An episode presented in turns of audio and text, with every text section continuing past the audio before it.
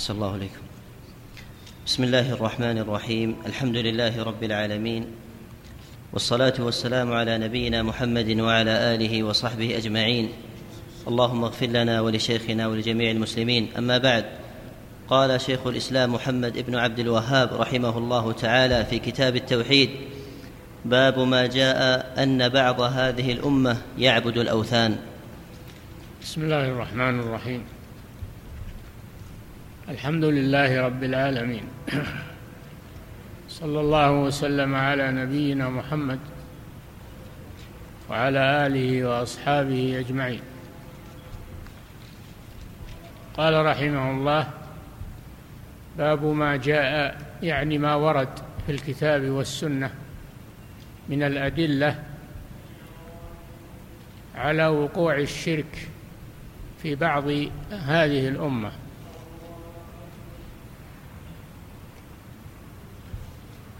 أن بعض هذه الأمة وليس كلها والحمد لله لكن بعضها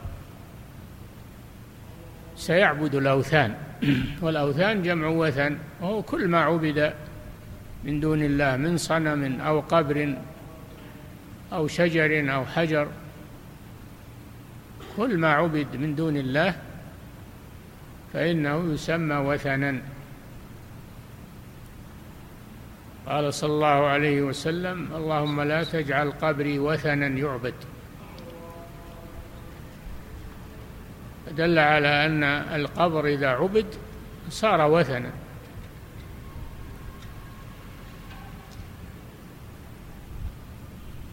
وقد جاءت أدلة من الكتاب والسنة كما سيسوق المؤلف بعضها في هذا الباب. تدل على أن الشرك يقع في آخر هذه الأمة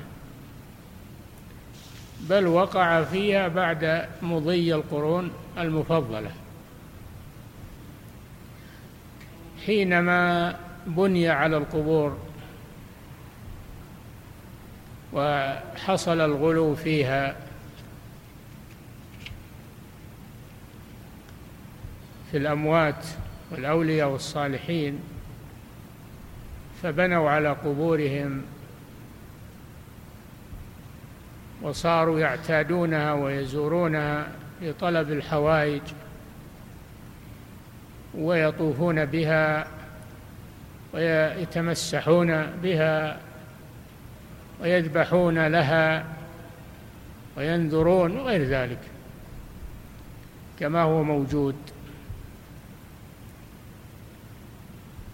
وفي هذا رد على من يقول إن هذه الأمة لا يقع فيها شرك. الأدلة تدل على وقوع الشرك فيها كما يأتي. إلا من عصم الله من رحم الله. وأما قوله صلى الله عليه وسلم إن الشيطان قد أيس أن يعبده المصلون في جزيرة العرب ولكنه رضي بتحريش بينكم أو ما جاء بمعناه. فهذا ليس نفيا لوقوع الشرك في هذه الأمة لأن هذا ظن الشيطان. الشيطان لما رأى قوة الإسلام وعزة الإسلام فإنه أصابه اليأس من أن ترجع هذه الأمة إلى عبادة الأوثان فرضي بالتحريش وتزيين الذنوب والمعاصي للناس. هذا أخبار عن الشيطان. وأيضا قوله صلى الله عليه وسلم أن يعبده المصلون معناه العموم ولا يمنع أن يكون بعض المصلين يعبدونه. فهذا معنى هذه الترجمة العظيمة. ما جاء أن بعض هذه الأمة يعبد الأوثان. نعم. أحسن الله إليكم. قال رحمه الله تعالى وقوله تعالى ألم تر إلى الذين أوتوا نصيبا من الكتاب يؤمنون بالجبت والطاغوت؟ قال تعالى ألم ترى أي ألم تنظر أيها الرسول؟ ألم تر إلى الذين أوتوا نصيبا من الكتاب وهم اليهود والنصارى؟ الذين آتاهم الله التوراة والإنجيل. ومع هذا يؤمنون بالجبت والطاغوت مع أنهم أهل الكتاب والجبت الباطل المراد به الباطل. والطاغوت المراد به أيضا الباطل. كل ما تجاوز الحد من الطغيان فإنه يقال له طاغوت. فمن حكم بغير ما أنزل الله فهو طاغوت. من ادعى علم الغيب فهو طاغوت. دعا من دعا الناس إلى عبادة نفسه فهو طاغوت إلى غير ذلك. يؤمنون بالجبت والطاغوت. كيف يقع منهم هذا وهم أهل الكتاب؟ فإذا وقع هذا منهم فإن يكون فإنه يكون في هذه الأمة من يتشبه بهم كما يأتي. كما يتشبه بهم. تشبه باليهود والنصارى في كل شيء حتى في الشرك. ما دام أن اليهود والنصارى أشركوا يكون في هذه الأمة من يتشبه بهم. فيشرك بالله عز وجل. لما يأتي في آخر الحديث لتتبعن سنن أو سنن من كان قبلكم. يؤمنون بالجبت والطاغوت. ويقولون للذين كفروا هؤلاء أهدى من الذين آمنوا سبيلا أولئك الذين لعنهم الله. ومن يلعن الله فلن تجد له نصيرا. وسبب نزول الآية أنه لما هاجر النبي صلى الله عليه وسلم إلى المدينة واجتمع حوله اجتمع حوله المهاجرون والأنصار. ظهر الإسلام في المدينة. تضايق اليهود الذين في المدينة مع أنهم عاهدوا الرسول صلى الله عليه وسلم. لكن تضايق رؤساؤهم من الرسول وأصحابه. فذهب كعب بن الأشرف وحيي بن أخطب من رؤساء اليهود إلى أهل مكة إلى المشركين في مكة. يستنجدونهم على الرسول صلى الله عليه وسلم. يطلبون منهم أن يساعدوهم على الرسول صلى الله عليه وسلم والتخلص منه ومن دعوته. المشركون قالوا لهذين الطاغوتين من اليهود. أنتم أهل الكتاب أنتم أهل كتاب وعلم. أينا ومحمد أينا على الحق؟ نحن ولا محمد؟ قالوا ما أنتم؟ قالوا نحن نكرم الضيف وننحر الجزور ونحن عندنا السقاية والرفادة ونستقبل الحجيج. وذكروا من مثل من ذكروا من مآثرهم. ما ذكروا؟ قالوا ومحمد قالوا محمد صنبور لا مال له ولا ولد ولا سب آلهتنا وسفه أحلامنا أينا أو هو على أو أينا أو هو خير. قالوا أنتم خير من محمد. قال اليهوديان للمشركين أنتم خير من محمد. وهم يعلمون أنهم كاذبون يعلمون أن محمدا خير البرية عليه الصلاة والسلام. لكن حملهم الهوى وبغض الرسول صلى الله عليه وسلم على هذه الشهادة شهادة الزور. فشهدوا للمشركين أنهم خير من محمد صلى الله عليه وسلم. يستعطفوهم على الرسول. فأنزل الله هذه الآية. ألم تر إلى الذين أوتوا نصيبا من الكتاب يؤمنون بالجبت والطاغوت؟ ويقولون للذين كفروا هؤلاء أهدى من الذين آمنوا سبيلا. انظر إلى قوله يؤمنون بالجبت والطاغوت حيث وافقوهم في الظاهر ولا في الباطن يعلمون أن محمدا خير البرية وأنه رسول الله لكن وافقوهم في الباطن فسمى الله ذلك إيمانا منهم وموافقة لهم مع أنهم أهل الكتاب لكن لا يعملون بكتابهم. فشهدوا شهادة الزور وقالوا المشرك خير من محمد نسأل الله العافية. يؤمنون بالجبت والطاغوت. فإذا كان هذا في أهل الكتاب فسيكون في هذه الأمة من يؤمن بالجبت والطاغوت من باب التشبه من باب التشبه بأهل الكتاب. هذا محل الشاهد من الآية أنه إذا كان في أهل الكتاب من يؤمن بالجبت والطاغوت فسيكون في هذه الأمة من يؤمن بالجبت والطاغوت وذلك بإقرار الشرك والكفر والعياذ بالله. نعم. أحسن الله إليكم. وقوله تعالى قل هل أنبئكم بشر من ذلك مثوبة عند الله من لعنه الله وغضب عليه وجعل منهم القردة والخنازير وعبد الطاغوت نعم. هذه من سورة المائدة. لما ذكر الله سبحانه وتعالى عن أهل الكتاب في أنهم يستهزئون من المسلمين إذا نادوا للصلاة. وإذا ناديتم إلى الصلاة اتخذوها هزوا ولعبا. ذلك بأنهم قوم لا يعقلون. مع أنهم أهل الكتاب يستهزئون من المسلمين إذا أذنوا للصلاة.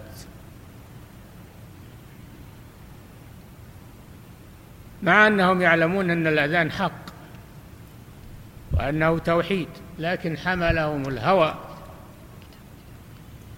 حملهم العصبية على أن على أن يسخروا من المسلمين. وإذا ناديتم إلى الصلاة اتخذوها هزوا ولعبا. ذلك بأنهم قوم لا يعقلون لا يعقلون عن الله جل وعلا ولا يفقهون ما في التوراة والإنجيل من الإيمان والحق. لا يعقلون ذلك. هذا السبب. رد الله عليهم فقال لنبيه صلى الله عليه وسلم قل هل أنبئكم بشر من ذلك مما تقولون فينا؟ أنتم فيكم شرور كثيرة فكيف تعيروننا بشيء هو الخير؟ وأنتم فيكم شرور وقبائح. هذا فيه الرد على أهل الباطل وبيان معايبهم. هل أنبئكم بشر من ذلك مثوبة ثوابا وعقابا عند الله جل وعلا؟ من لعنه الله؟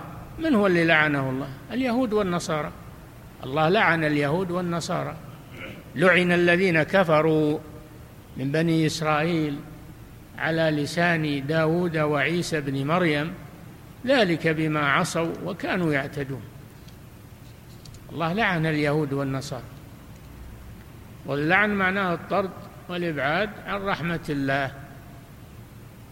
أما المؤمنون فإن الله رحمهم ولم يلعنهم. من لعنه الله وغضب عليه وهم اليهود عندهم علم ولم يعملوا به فلا غضب الله عليهم. وهكذا كل عالم لا يعمل بعلمه فإن الله يغضب عليه. وفي مقدمة هؤلاء اليهود وغضب عليه غير المغضوب عليهم في الفاتحة. والمغضوب عليهم هم اليهود وكل من لم يعمل بعلمه. من لعنه الله وغضب عليه وجعل منهم القردة والخنازير لأن الله مسخهم قردة وخنازير. هم كانوا آدميين لكن لما اعتدوا في السبت لما اعتدوا في السبت واصطادوا الحيتان التي حرمها الله حرم الله صيدها عليهم يوم السبت احتالوا عليها وأخذوها بالحيلة. فإن الله مسخ هؤلاء قردة من آدميين إلى قردة كما احتالوا على محارم الله عز وجل. و وخنازير. قيل إن القردة في اليهود والخنازير في النصارى أصحاب المائدة الذين طلبوا من عيسى عليه السلام أن يسأل الله أن ينزل عليهم مائدة من السماء. نزلت المائدة ولم يؤمنوا. فالله حولهم إلى قردة عقوبة لهم. وليس معنى هذا أن القردة والخنازير أصلها من اليهود. لا. هي القردة والخنازير حيوانات قديمة مخلوقة. ولكن الله حول هؤلاء إلى قردة وخنازير مسخهم. ولم يبق لهم نسل لأن كل ما مسخ لا يبقى له نسل لم يبقى لهؤلاء نسل. والذين بقوا من بني إسرائيل ليسوا من هؤلاء. ليسوا من أصحاب السبت. أما أصحاب السبت فإن الله مسخهم ثم أهلكهم وقطع دابرهم. وجعل منهم القردة والخنازير. وعبد الطاغوت هذا محل الشاهد من الآية. عبد الطاغوت عبد فعلا ماض. معطوف على قوله من لعنه الله وغضب عليه وعبد أفعال ماضية معطوف بعضها على بعض. وعبد الطاغوت هؤلاء عبدوا الطاغوت وهم اليهود والنصارى يعني أشركوا بالله. والطاغوت كل ما عبد من دون الله عز وجل. وهو الشيطان الطاغوت هو الشيطان. لأن المشركين إنما يعبدون الشيطان. لأنه هو الذي أمرهم بذلك. وعبد الطاغوت. هذا محل الشاهد. فإذا كان في اليهود والنصارى من عبد الطاغوت فسيكون في هذه الأمة من يتشبه بهم ويعبد الطاغوت. وقد وقع هذا. فوقع الشرك في هذه الأمة. ولا يزال ويزيد الآن. حول القبور والأضرحة. وعبد الطاغوت وفي قراءة وعبد الطاغوت عبد جمع عابد وعبد الطاغوت أي من اليهود والنصارى عبد الطاغوت الذين يعبدون غير الله عز وجل. أولئك شر مكانا شر مكانا من هؤلاء المسلمين الذين ينادون للصلاة. تسخرون بهم واضلوا عن سواء السبيل. فالله جل وعلا رد عليهم هذا الرد. والشاهد قوله عبد أو عبد الطاغوت فإذا كان فيهم من عبد الطاغوت فسيكون في هذه الأمة من يفعل ذلك تشبها بهم. نعم. أحسن الله إليكم. قال رحمه الله تعالى وقوله تعالى قال الذين غلبوا على أمرهم لنتخذن عليهم مسجدا. نعم هذه في البناء على القبور. هذه الآية في البناء على القبور. وأول من فعل ذلك هؤلاء الذين بنوا على قبور أصحاب الكهف. أصحاب الكهف كما ذكر الله قصتهم في أول سورة الكهف. إنهم فتية آمنوا بربهم وكان قومهم على الشرك. هؤلاء الفتية من الله عليهم بالإيمان فأنكروا ما عليه قومهم وخرجوا خرجوا من البلد خرجوا فرارا بدينهم من البلد. وين راحوا؟ راحوا إلى غار وجدوا غارا كهفا فدخلوا فيه. دخلوا فيه يستريحون ويختفون عن قومهم. فضرب الله عليهم النوم. ضرب الله عليهم النوم في هذا الغار سنين طويلة. سنين طويلة وهم نيام. تحسبهم ايقاظا وهم رقود. ونقلبهم ذات اليمين وذات الشمال. ضرب الله على آذانهم النوم الطويل. رحمة بهم وكرامة من الله جل وعلا لهم. كرامة من الله جل وعلا لهم. مات هذا الجيل المشرك انقضى واندرس جاء جيل آخر بعدهم مسلمون. مسلمون. فعلموا ب بوجود هؤلاء في الكهف وأن الله أيقظهم وأنهم أرسلوا من يأتيهم بطعام. فتنبه الناس لهم رأوا معهم نقود ما هي بعادية نقود قديمة. فعند ذلك وقفوا في شأنهم فلما أحسوا أن الناس انتبهوا لهم هربوا إلى قومهم.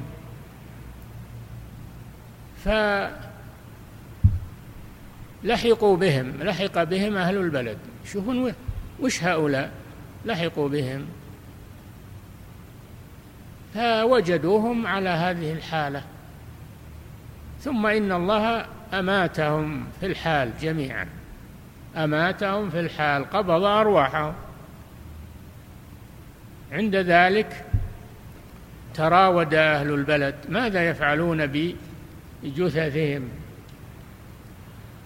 قال بعضهم ابنوا عليهم بنيانا يعني سدوا عليهم الغار اتركوهم. ابنوا عليهم بنيانا ربهم أعلم بهم. هذا رأي سديد لكن ما أخذوا به. يريدون أن يكون الغار قبرا لهم يسدون عليهم ويخلونهم فيه. لكن فيه أهل السلطة والقوة من هؤلاء. قال الذين غلبوا على أمرهم وهم أصحاب السلطة والقوة. لنتخذن عليهم مسجدا. باب التعظيم لهم والتبرك بهم. فبنوا عليهم المسجد. فصار هذا وسيلة من وسائل الشرك. فإذا كان هذا في الأمم السابقة أنهم بنوا على على الأموات مسجد فسيكون في هذه الأمة من يبني على قبور الأولياء والصالحين مساجد وهذا واقع ومشاهد الآن. هذا محل الشاهد من الآية الكريمة. وهم بنوا المسجد بالسلطة والغلبة لا بالدين ولا بالعلم إنما استغلوا سلطتهم والعياذ بالله. يوجد في هذه الأمة الآن بالكثرة من يفعلون ذلك ويبنون على القبور التي أصبحت أوثانا تعبد من دون الله. نعم. أحسن الله إليكم. قال رحمه الله تعالى عن أبي سعيد رضي الله عنه أن رسول الله صلى الله عليه وسلم قال لتتبعن سنن من كان قبلكم حذو القذة بالقذة حتى لو دخلوا جحر ضب لدخلتموه. قالوا يا رسول الله اليهود والنصارى؟ قال فمن أخرجاه؟ نعم هذا الحديث يبين مراد الشيخ رحمه الله من إيراد هذه الآيات. أنه إذا وجد في الأمم السابقة من يفضل المسلمين على من يفضل الكفار على المسلمين ويقول أهدى من الذين آمنوا سبيلا. يفضل الكفار على المسلمين ويفضل الكفر على الإيمان. فسيوجد في هذه الأمة من يفعل ذلك. وقد وجد وجد من يفضلون الكفار على المسلمين الآن. من باب التشبه من باب التشبه باليهود. الذين يؤمنون بالجبت والطاغوت ويقولون للذين كفروا هؤلاء أهدى من الذين آمنوا سبيلا. وإذا كان وجد في اليهود من عبد الطاغوت فسيوجد في هذه الأمة من يعبد الطاغوت تشبها بهم وقد وجد هذا قد وجد هذا. إذا كان وجد في الأمم السابقة من بنى على القبور فسيكون في هذه الأمة من يبني على القبور تعظيما لها وقد وجد هذا. فهذا الحديث جاء به الشيخ لأجل يبين أنه سيحصل التشبه بالأمم السابقة في عبادة الأوثان. من يعبد الأوثان كما عبدتها الأمم السابقة من باب التشبه.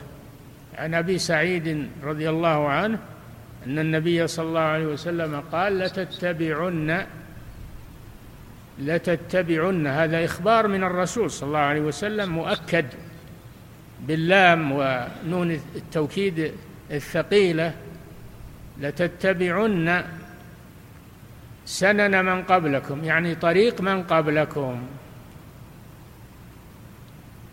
فهذا فيه دليل على أن يوجد في هذه الأمة من يمشي على طريق السابقين من اليهود والنصارى والمشركين. لتتبعن سنن من قبلكم. حذو القذة بالقذة. القذة ريش السهم. السهم الذي يرمى به في النبل في العهد السابق له قذتان تطيران به في الهواء متعادلتان.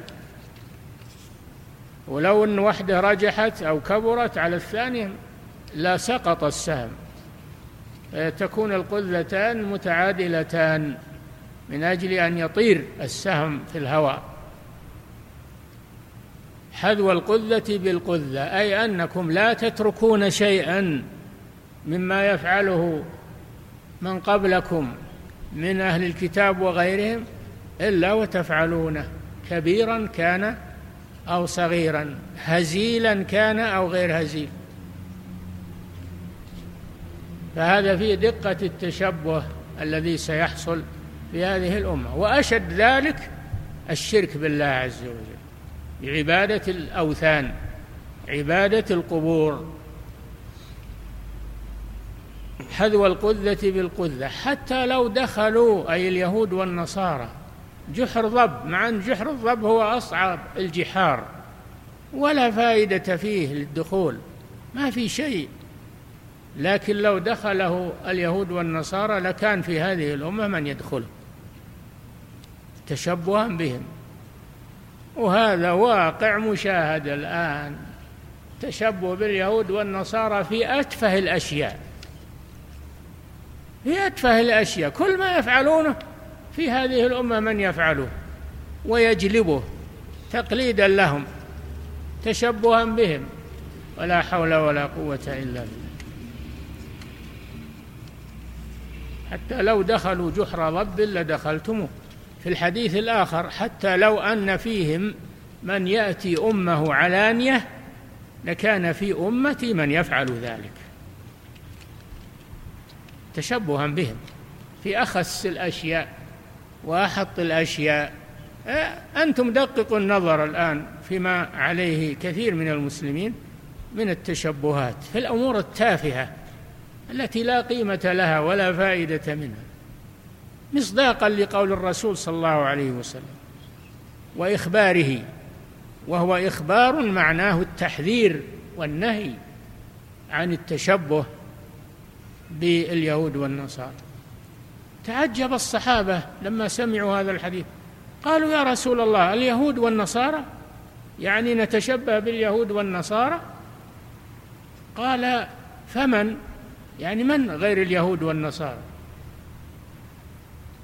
من غير اليهود والنصارى؟ تتشبهون بهم. اليهود والنصارى بالفتح أي تعني اليهود والنصارى؟ قال نعم. ويجوز الرفع. اليهود والنصارى يعني هم المقصودون. قال من القوم؟ من غير اليهود والنصارى؟ من القوم؟ إلا هم. فالحاصل أن هذا باب عظيم ومفيد ويكتسب منه المسلم الحذر على عقيدته والحذر من التشبه بالأمم الكافرة. التشبه بالأمم الكافرة.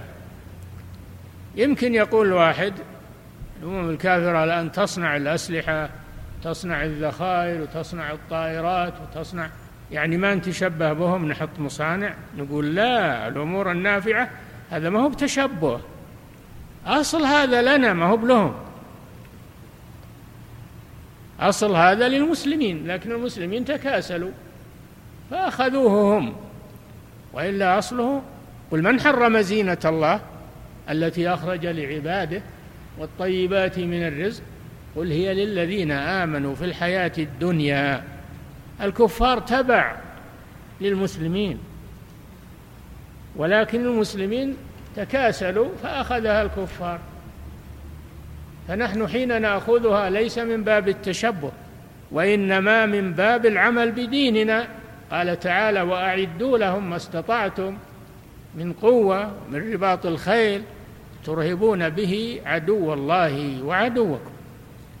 هذا الأصل للمسلمين. نعم. أحسن الله إليكم. قال رحمه الله تعالى يكفي. نعم. أحسن الله عليكم يقول السائل أحسن الله إليكم ألم يظهر الشرك في هذا البلد قبل دعوة الإمام محمد بن عبد الوهاب رحمه الله وبعده وقبل الدولة السعودية الثالثة؟ فكيف نجمع بين هذا وبين أحاديث يئس الشيطان؟ عجبنا على هذا أول الدرس إن هذا إخبار عن الشيطان إنه هو اللي يأس ما هو بإخبار نفي. ما هو بنفي لعبادة الشيطان وإنما هو إخبار إخبار من الشيطان. لما رأى عزة الإسلام أصابه اليأس. نعم. أحسن الله إليكم. يقول السائل هل الصلاة في المسجد البعيد الجديد أفضل أو المسجد القديم القريب؟ كل ما كثرت الخطوات فهو أفضل. كل ما كثرت الخطوات إلى المساجد فهو أفضل فالبعيد أفضل من القريب. نعم.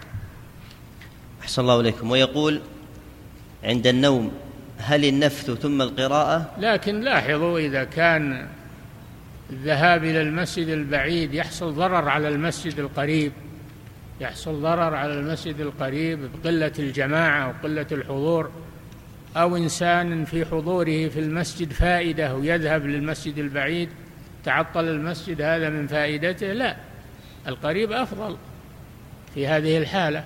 نعم. أو أنهم لا راحوا ما يصلي بالمسجد القريب أحد.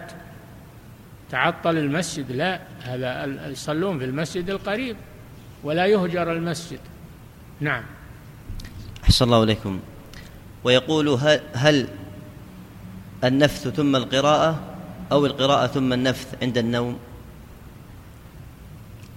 الرسول صلى الله عليه وسلم كان ينفث في كفيه بسورة الإخلاص والمعوذتين ثم يمسح. بهما ما أقبل من جسده. فهو يقرأ ثم ينفث. نعم. أحسن الله إليكم. ويقول وهل نستقبل القبلة عند النوم إذا كان يوافق الجنب الأيسر؟ نعم. يقول وهل نستقبل القبلة عند النوم إذا كان يوافق الجنب الأيسر؟ ما يمكن هذا. هذا ما يمكن. جنب الأيمن متيسر في كل مكان. نعم. أحسن الله إليكم. يقول السائل هل من منهج أهل السنة والجماعة تكفير أو تبديع الناس من غير إقامة الحجة عليهم وكشف الشبهة عنهم؟ نحن نبين ونشرح للناس عموما وأما الأفراد فمن كان منهم يجهل هذا الأمر لبعده عن المسلمين وبعده عن بلاد المسلمين يبين له. أما اللي يعيش مع المسلمين وبين المسلمين ويسمع القرآن ويسمع الأحاديث يسمع الخطب يسمع المحاضرات هذا غير معذور. قامت عليه الحجة. نعم. أحسن الله إليكم. يقول السائل ما رأي سماحتكم في من يعلق المسلمين بفتاوى وأشرطة؟ وكتب من يدعو إلى المظاهرات والثورات والانقلابات على حكام المسلمين. هل يعد هذا من الغش للمسلمين؟ نعم هذا لا يجوز أنه يقبل من هذا الشيء ويجب يحذر منه لأن هذا يثير الفتنة. هذا يثير الفتنة فيجب أن يمنع وأن يحذر من عمله. نعم. أحسن الله إليكم. ويقول أيضا هل يعتمد ويوثق في الإعلام بشتى مجالاته في نقل أحداث وأخبار المسلمين خصوصا وأنه يوجد في هذه القنوات اليهود والنصارى والمبتدعة؟ أعيد السؤال. يقول هل يعتمد ويوثق في الإعلام بشتى مجالاته في نقل أحداث وأخبار المسلمين خصوصا وأنه يوجد في هذه القنوات اليهود والنصارى والمبتدعة؟ يجب أن تستغل وسائل الإعلام في بلاد المسلمين أن يستغلوها في نشر الإسلام والرد على أهل الشرك وأهل البدع المحدثات أن تسخر لهذا الشيء للدعوه إلى الله عز وجل. ولا يتمكن لا تمكن الفئات الضالة من البث فيها وهي بيد المسلمين. إذا كانت بيد المسلمين فيجب أن يمنعوا أهل الشر من استغلالها وأن يمكنوا أهل الخير من استغلالها لنشر الخير. نعم. أحسن الله إليكم. يقول السائل من يحذر الناس من المعاصي الشهوانية ويترك تحذيرهم من الشرك والبدع هل هذا من نصيحة للمسلمين؟ إذا كان ما يهتم بالتوحيد والعقيدة فهذا مخطئ ومخالف لمنهج الرسل عليهم الصلاة والسلام. الرسل أول ما يبدأون بالعقيدة وإصلاح العقيدة ثم ينهون بعد ذلك عن الذنوب والمعاصي. هذه طريقة الرسل. يبدأون بالأهم فالأهم الأساس. فالدعوة التي لا تقوم بهذا ما دعوة فاشلة. يعني تحث على مكارم الأخلاق وعلى المعاملات الطيبة وعلى هذا ما يكفي مع فساد العقيدة. لا بد من إصلاح العقيدة أولا ثم إصلاح بقية الأمور. هذا منهج الرسل والمصلحين والدعاة إلى الله عز وجل. نعم. أحسن الله إليكم. يقول السائل ظهر عندنا أناس لا يعذرون المخطئ بالجهل. ولبسوا علينا في هذه المسألة. نرجو منكم التوضيح فيما يعذر به المرء في المسائل العلمية والعملية. أجبناكم أجبناكم في السؤال اللي قبل هذا. قلنا الأمور الظاهرة الأمور الظاهرة التي بينها الكتاب والسنة مثل الشرك مثل التوحيد مثل المحافظة على الصلاة. هذه أمور ظاهرة. من حين يسمعها الإنسان يفهمها.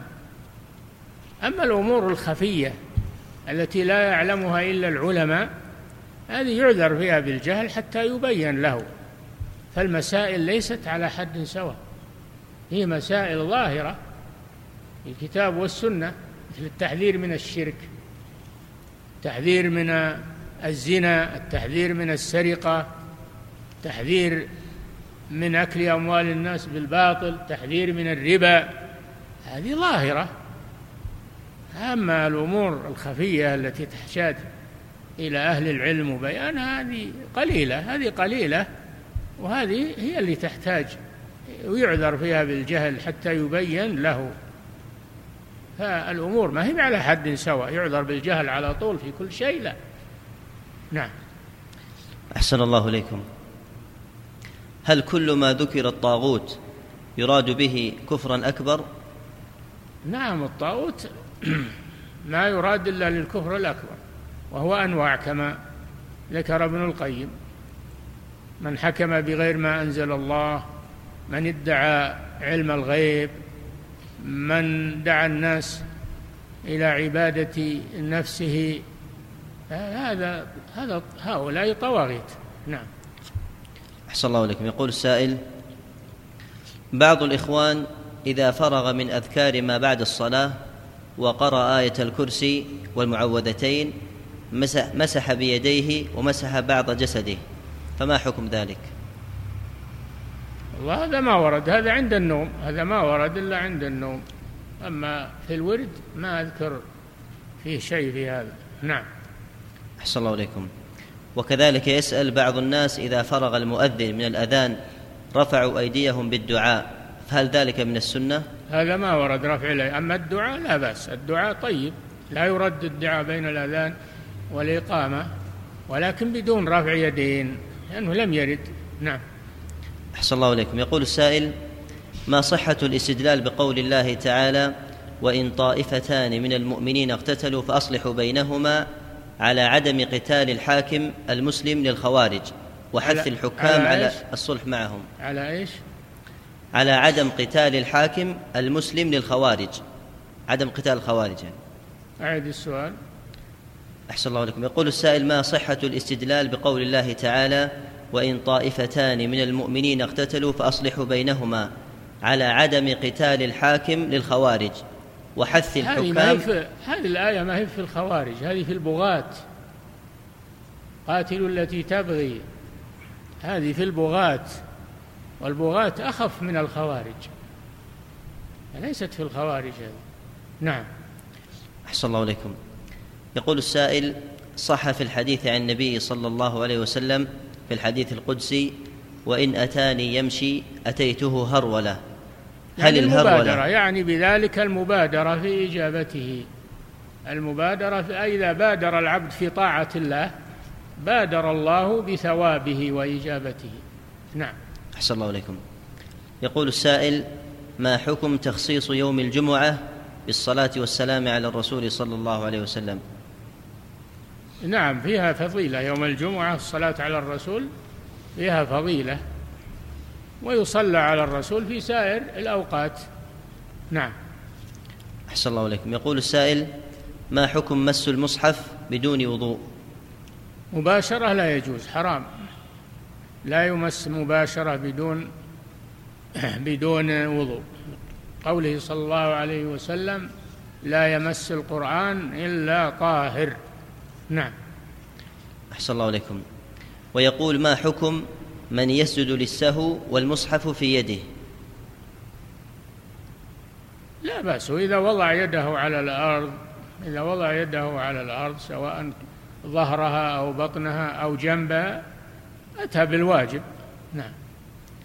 أحسن الله عليكم يقول السائل شيخنا حفظكم الله إذا حققت الجهات المختصة من ولي الأمر إذا حققت الجهات المختصة من ولي الأمر مع من يجمع التبرعات بدون إذن رسمي وأخذت التعهد عليه بعدم تكرار هذا الأمر. فهل يجوز له أن ينشر في الإنترنت ما جرى له للتأليب على الجهات المختصة وأنها تمنع الخير؟ يجب السمع والطاعة. يجب السمع والطاعة لولي الأمر. ولا يجوز نشر ما يسيء إلى ولي الأمر. هذا من مصلحة المسلمين. نعم. أحسن الله إليكم. يقول السائل هل يجوز لمن يدعو إلى الله أن يتصنع البكاء والزهد أمام المشاهدين في الإعلام من أجل هدايتهم؟ الله أعلم بالنيات والمقاصد. نحن ما ندخل في هذه الأمور. نعم هو يعلم سبحانه إن كان هذا صادق ويبكي. خشوعا أو أنه متصنع. الله يعلم هذا. نعم. أحسن الله إليكم يقول السائل بعض أهل العلم يجوز المظاهرات في خارج المملكة ويمنعها في داخلها بحجة أن أمر المظاهرات عائد لولي الأمر. هل كلامه صحيح؟ نحن نسأل هذا طالب هالعلم اللي تقول. ماذا أنتجت المظاهرات في خارج المملكة؟ هل أنتجت إلا الدمار والخراب سفك الدماء؟ المظاهرات شر سواء في المملكة أو خارج المملكة؟ ولا رأيناها أنتجت إلا الشر والخراب والدمار وسفك الدماء. نعم. أحسن الله إليكم. يقول السائل إذا جاء الرجل من السفر ودخل المسجد ووجد الإمام يصلي العشاء وهو لم يصلي المغرب فماذا يفعل؟ يصلي المغرب ثم يدخل مع الإمام فيما بقي من العشاء. خصوصا إذا كان معه أحد يصلون جماعة. يصلون جماعة المغرب أولا ثم يلحقون بالإمام فيما بقي من العشاء. وإن لم يكن معه جماعة وأراد أن يدخل مع الإمام هو ينوي المغرب وهم يصلون العشاء. فإنهم إذا قاموا للرابعة يجلس هو ما يقوم معهم ويأتي بالتشهد الأخير فإن شاء سلم لنفسه وإن شاء انتظر سلم مع الإمام. هذا الذي صدرت فيه الفتوى من اللجنة الدائمة. نعم. أحسن الله إليكم. يقول السائل هل قيام سوق عكاظ يعد من إحياء أمور الجاهلية؟ أنا ما أعرف سوق عكاظ ولا أدري وأنه فيه. وأمور الجاهلية كل ما ينسب إلى الجاهلية فهو من أمور الجاهلية. نعم. أحسن الله عليكم يقول السائل هل يجوز دفع الزكاة للمتزوج الذي لديه راتب طيب؟ ها؟ هل يجوز دفع الزكاة للمتزوج الذي لديه راتب طيب؟ لا اللي عنده راتب طيب هذا ما هو محتاج. تدفع الزكاة للمتزوج الذي لا يقدر على الزواج. يساعد بما يعينه على الزواج. أما إذا كان له راتب جيد كما تقول راتبه يكفيه. ليس هو من أهل الزكاة. إنما الصدقات للفقراء والمساكين والعاملين عليها وهذا ليس فقيرا ولا مسكينا هذا له راتب يكفيه. نعم. أحسن الله إليكم. يقول السائل هل للعوام أن يكفروا الناس إذا وقعوا في الأمور الظاهرة كالشرك بالله مثل الطواف بالقبور؟ لا ما يحكم بالتكفير إلا أهل العلم اللي يعرفون أنواع الكفر ويعرفون ما هو العوام يكفرون أحد. ما يجوز هذا. نعم.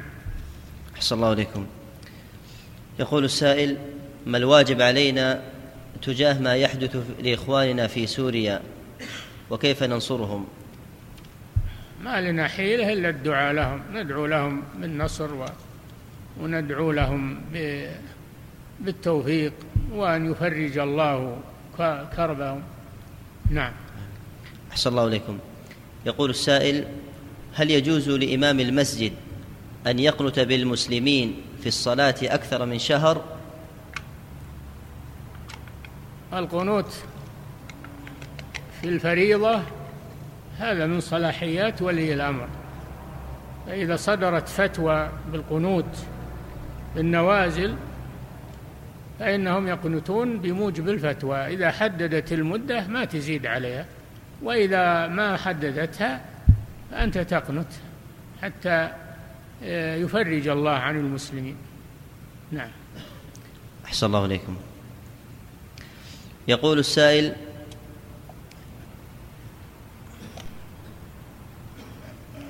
أصاب أخي وسواس قهري فبقي أياما لا يصلي. الوسواس كله قهري ما هنا وسواس قهري ووسواس غير قهري كله قهري.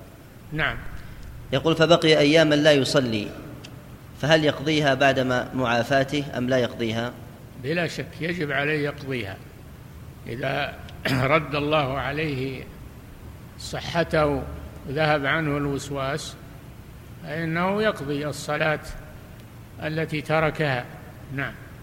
أحسن الله عليكم يقول السائل دخلت في الصلاة مع الإمام بنية صلاة العشاء وأثناء الصلاة تذكرت أني لم أصلي المغرب فماذا أفعل؟ تكملها نافلة تكملها نافلة فإذا سلم الإمام تصلي المغرب. أولا ثم تصلي العشاء. نعم. أحسن الله عليكم يقول السائل هل يشرع حلق الشعر التي حول الدبر؟ هل يشرع حلق الشعر التي حول الدبر؟ ما لنا وهالسؤال هذا. الإنسان يدبر حاله. نعم. أحسن الله عليكم يقول السائل فضيلة الشيخ أنا صاحب محل ملابس جاهزة. أنا صاحب محل ملابس جاهزة.